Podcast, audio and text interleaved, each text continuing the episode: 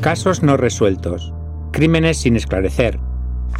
Se llamaban Javier, Joaquín, Juan, Ramón, José Luis, Epifanio o Augusto. Todos ellos murieron a manos de ETA. Los hechos, según manifestó la empleada llamada Juana, que se encontraba en aquellos momentos en la cocina, ocurrieron hacia las tres y media de la tarde. Asustada, salió junto a la barra y vio el cuerpo del juez tendido en el suelo, derramando abundante sangre. Su asesinato careció de justificación alguna. Desde entonces su familia y seres queridos le recuerdan y sufren su pérdida. Es el cuaderno de la memoria que le llamamos. Es un homenaje, un, recuerdo a, mi tío, a, su vida y a su muerte.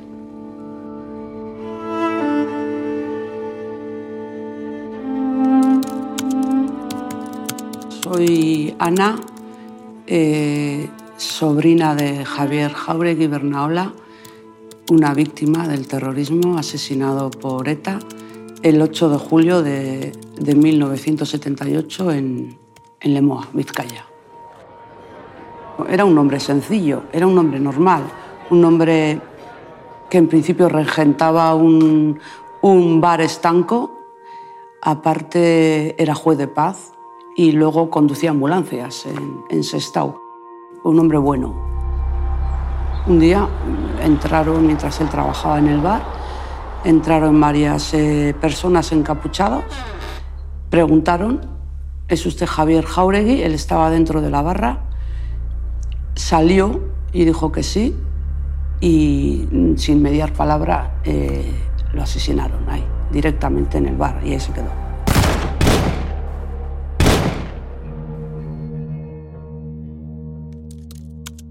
Me llamo Adelaida Becerra Calvente, soy hermana de Joaquín Becerra Calvente, soy natural de Málaga y residente en Amurrio desde los años 60.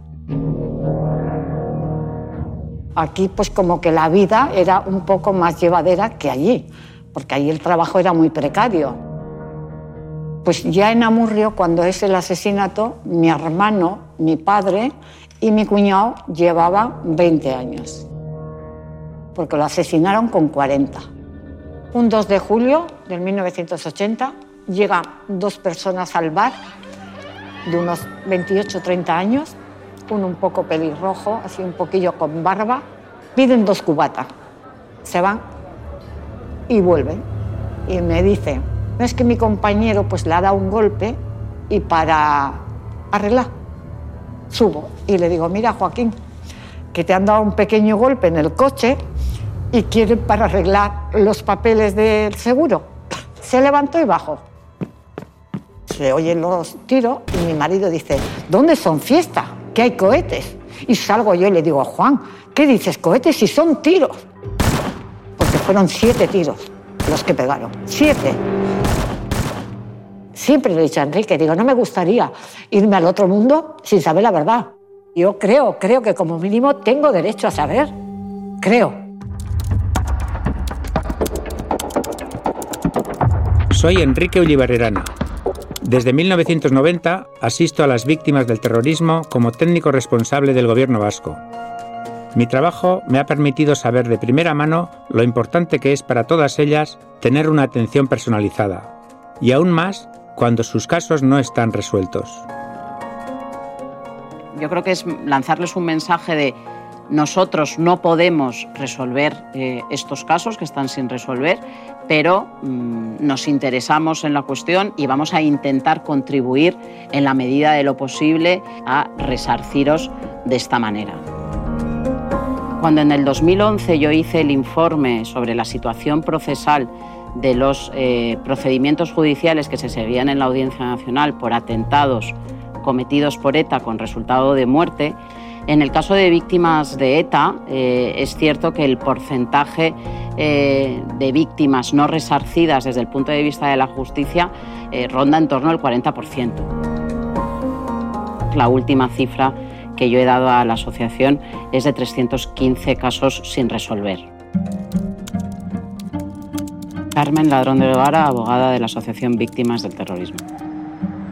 El año que tiene más casos sin resolver es el año que más asesinatos de ETA tiene, que es el año 1980, y en el que más de la mitad de los eh, asesinatos cometidos ese año por, por la organización terrorista están sin resolver. No sabemos por qué, parecía que no importaban esos muertos, eran muertos de segunda categoría. En un Estado de Derecho, en, en una democracia, todas las víctimas, absolutamente todas las víctimas, tienen derecho a la verdad. Es que no sé si es un derecho, yo creo que es una necesidad, básicamente. Eh, tenemos derecho a saber qué pasó, yo estoy hablando de, terrorismo de ETA, pero también hay otros terrorismos como el GAL, como Terrayura, como el terrorismo de Estado. Mi nombre es Pablo Romero, soy periodista y bueno, soy hijo de Juan Romero Álvarez, que murió en un atentado de ETA el 21 de junio de 1993. Y bueno, soy uno de sus hijos. Los gobiernos ni siquiera en el afán por el gasto público. Sí, perdone, señor Álvarez Cascos. Sí. Sí, perdone porque supongo que los oyentes han oído una tremenda explosión y parece que hay un atentado muy próximo a nuestra emisora. Tengo que decir primero que fue un atentado muy, muy importante porque fueron dos coches bomba, murieron siete personas, total heridas creo que son como 20, muchos, treinta y pocos, entre ellos muchos niños. Y fue un atentado que no se ha recordado prácticamente nada. Aquí en la confluencia de las calles López de Hoyos y Joaquín Costa ha hecho explosión sobre las 8 y cuarto de la mañana el primero de los coche bomba. El artefacto ha explotado justo al paso de un furgón militar. Ese día eh, yo, me yo fui el último que veía a mi padre con vida, porque entró a mi cuarto a pedirme un bonobús y, y lo vi así en una silueta en la, puerta de mi, de mi cuarto. Y luego fui al colegio y me enteré de que había un atentado. Claro, estamos hablando del 93, no había móviles, no había nada. O había a lo mejor una, radio, pero pensábamos que era de una furgoneta de la Armada. Como mi padre era del aire, y era normalísimo que hubiese un atentado. O sea, hasta ese punto lo habíamos normalizado, ¿no? Y ya mi madre me lleva a la cocina, me lo cuenta, y yo me decía, no está. Y yo, ¿pero cómo? ¿Dónde está? Le digo, bueno, estará herido. Era una negación permanente. Di un puñetazo en una puerta del armario que no se rompió, me rompí casi yo. Y me dijo, bueno, y ahora atender a la gente. Y esa era la mentalidad. Tenías que recomponerte entero, salir, ojo seco y atender a quien viniera. Imagínate todo el cuadro. Las personas que han padecido este tipo de sufrimiento necesitan saber cómo ocurrieron los hechos, quién o quiénes fueron los responsables y sobre todo por qué sucedió.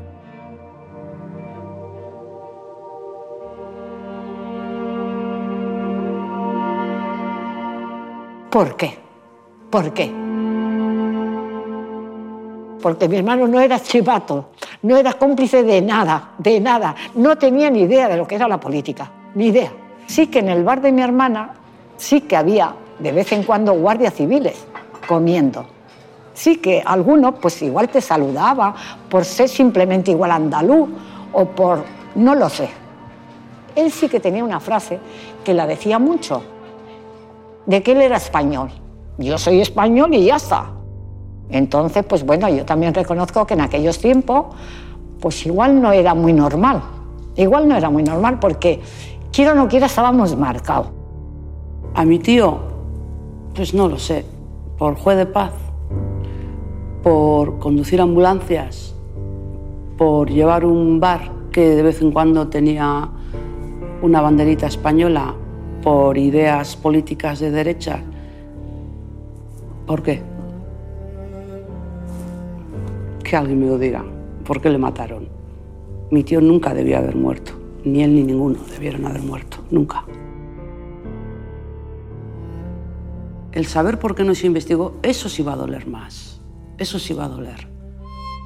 Es verdad que hay que tener en cuenta que las técnicas de investigación no estaban tan avanzadas, las fuerzas y cuerpos de seguridad del Estado no estaban tan especializadas en la persecución de este tipo de delitos y además la actividad terrorista era muy intensa, por lo tanto los miembros de las fuerzas y cuerpos de seguridad del Estado tenían que velar por su seguridad, enterrar a sus compañeros, que en el caso del año 1980, no olvidemos que ETA asesinó a cada tres días, por lo tanto tenían que enterrar a sus compañeros y reemplazar eh, la vacante que dejaban sus compañeros asesinados.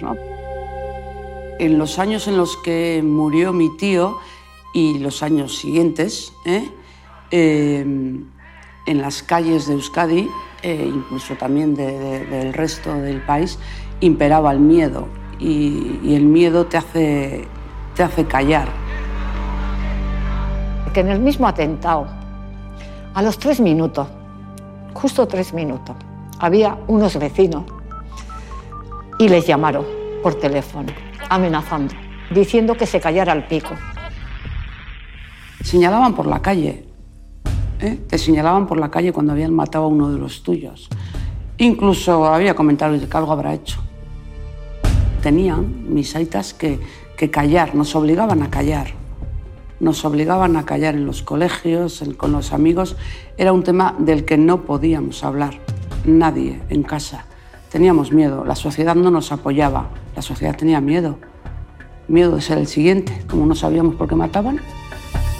A mi padre lo mató ETA en un atentado. Eso no era fácil decirlo entonces, ahora quizá tampoco, pero vamos, entonces desde luego no era nada fácil. El Diario del Mundo estuve trabajando 15 años y prácticamente nadie lo sabía. Porque no quieres que te pongan un estigma. Porque sabes que un afectado de ETA, sobre todo en los 90, en los 80 y los 90, te iban a identificar con alguien muy de derechas, e intransigente, vengativo y nada más lejos. Entonces, por ese miedo que haya que te encasillen, por lo menos en mi caso, pues lo oculté.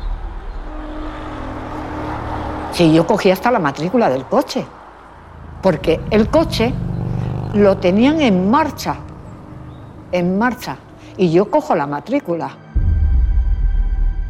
En casa todos los días tenemos a alguien, todos los días, de, de investigaciones, de investigaciones, con álbumes de fotos, que enseguida lo identificamos, ¿eh? Enseguida lo identificamos. Yo creo que lo de mi hermano, no sé si ha sido por falta de voluntad o no lo sé, pero sí se podía haber resuelto por lo menos. En este caso a mí me consta un auto de sobreseimiento provisional de agosto del 88, ¿no? Por lo tanto, durante ocho años el procedimiento judicial estuvo abierto y se debieron de practicar pues, estas diligencias de investigación a finales de los 80, podría ser el 88 o el 89, me llaman de la audiencia de Madrid diciendo que hay detenidos y me dan nombres y apellidos, los cuales yo no retengo y gracias a Dios, ¿eh? Y les digo que si tengo que ir a Madrid, que voy, pero que si puedo pasar sin ir, que prefiero. Puede estar resuelto policialmente que se ha podido identificar a los responsables y además en este caso habiendo testigos y que les llegaron a identificar, pues ellos les habrán podido señalar y habrán podido decir, pues sí, es, son estos, pero que eh, después en sede judicial y no hayan sido pruebas suficientes, eh, entiendo en este caso ni siquiera para sentarles en el banquillo y poderles juzgar. Mi Aita nunca tuvo información de ninguna de ninguna gestión de, las fuerzas policiales ni de nadie. La Guardia Civil nunca nos dijo nada, nunca nos dijo si estaban buscando, a quién estaban buscando, qué sospechas había, qué investigación. Nunca, nunca nos dijo nada. No, no te informan. No te informan porque entonces no funcionaba así. No tenían por qué tampoco porque no te habías personado, etcétera, etcétera me encontraba víctimas que se enteraban del juicio por la radio la víspera. Y se cogían un tren desde su pueblo, se trasladaban a Madrid porque habían oído en la radio que se iba a juzgar al asesino de su marido. Yo creo que en eso sí que hemos fallado a las víctimas, en el, en el que eh, informemos a las víctimas de lo que se ha hecho. No podemos olvidar que hasta el año 2009 no se recoge en nuestro ordenamiento jurídico la obligación de informar a las víctimas de las sentencias que se dictan hasta el año 2009. Eso es una barbaridad. Muchas víctimas denuncian que se han sentido abandonadas. El caso de Pablo, hijo de Juan Romero, es revelador. Él, por su cuenta, consiguió abrir la investigación del asesinato de su padre pocos días antes de que el delito prescribiera. En ese momento me di cuenta de que era como 2 de junio, 3 de junio de 2013. Y digo, ostras, espérate un momento, 2013, 1993, nuevo juicio. Esto va a prescribir, cállate. Cogí el teléfono, a ver la agenda de la comunicación, Audiencia Nacional Centralita. O sea, yo quiero saber lo que pasó a mi padre. Es que yo, a mi padre lo mató ETA hace como 20 años y quiero, quiero ver si ha habido sumario. Yo qué sé. Ocho tomos y encontré pues, algo que me llamó la atención, que fue un mote en un interrogatorio a los robacoches. ¿Quién será Gorosti?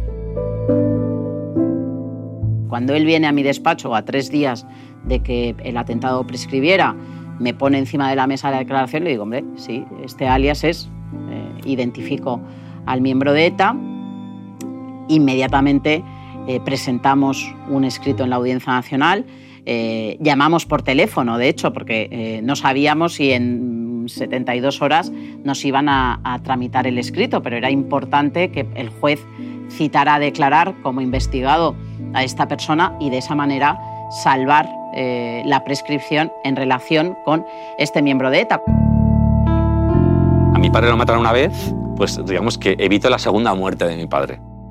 Freno la, la prescripción del delito, se pone el contador a cero, a partir de ese momento otros 20 años, y me da tiempo para investigar y para que eh, yo le ponía en bandeja al juez instructor lo que tenía que pedir. Esclarecimos la verdad, pero no pasó a estar como resuelto porque no tenemos una sentencia de autor material. En el caso de mi padre, lo que hubo fue un juicio a dos colaboradores necesarios pertenecientes a la banda armada, eh, acusados por ese delito, eh, que eran los robacoches, los que robaban los coches bomba. Pero nunca hubo ni una instrucción y muchísimo menos un juicio claro contra autores materiales, que eran, digamos, los que le dieron al botón, que era el Comando Madrid en el 93.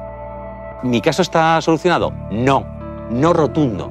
El caso de mi padre es un caso que no está resuelto, como tantísimos otros.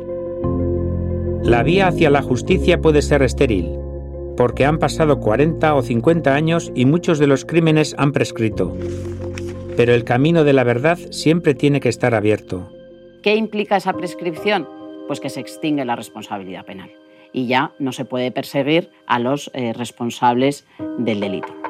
En el caso de los asesinatos terroristas, es cierto que en el año 2010 hubo una reforma del Código Penal que eh, reconoció la imprescriptibilidad de los asesinatos terroristas. Pero hasta todos los atentados que se hayan cometido hasta el año 2010, que en el caso de ETA son todos, eh, no se les aplica esa reforma porque el Código Penal no se puede aplicar de manera retroactiva.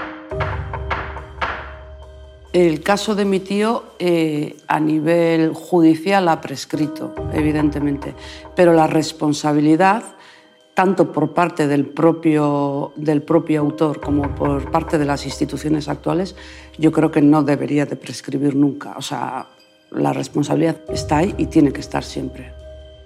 Éticamente, el derecho a la verdad no prescribe.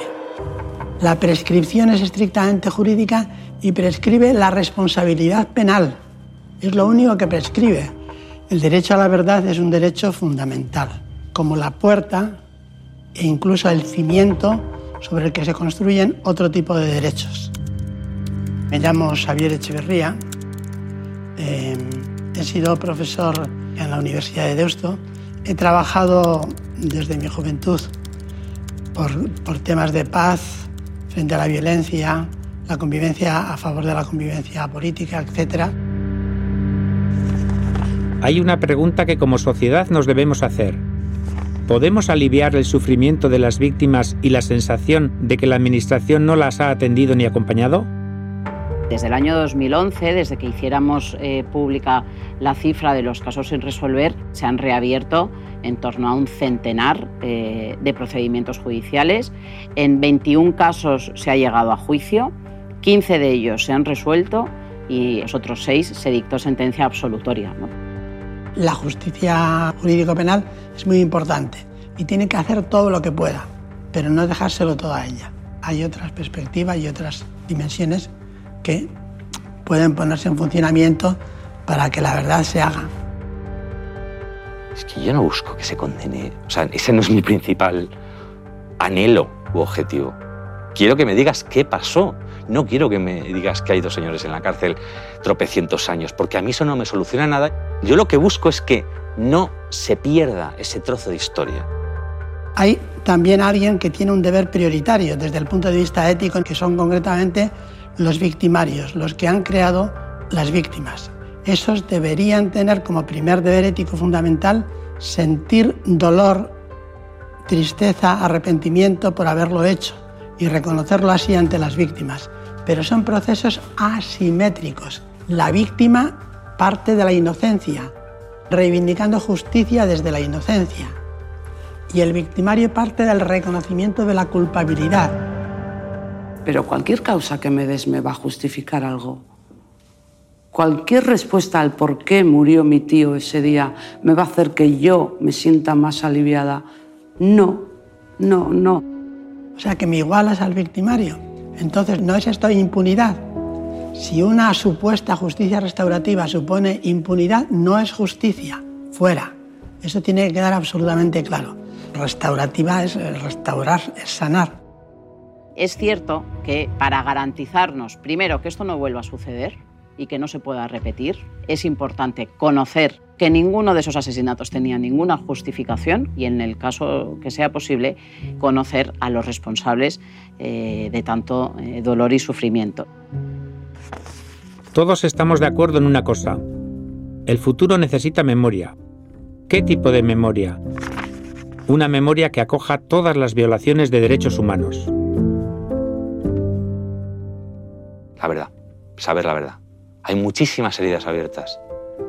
Y es muy, muy difícil, se enquistan, ¿no? Y, es muy difícil seguir adelante si no se desinfectan bien. Yo pido la verdad. Nada más que pido la verdad, porque lo demás nada me van a devolver. Pero solo pido la verdad, que se sepa. La única pena que tengo es que Aita no vea que estoy aquí por él. Se lo debo a él.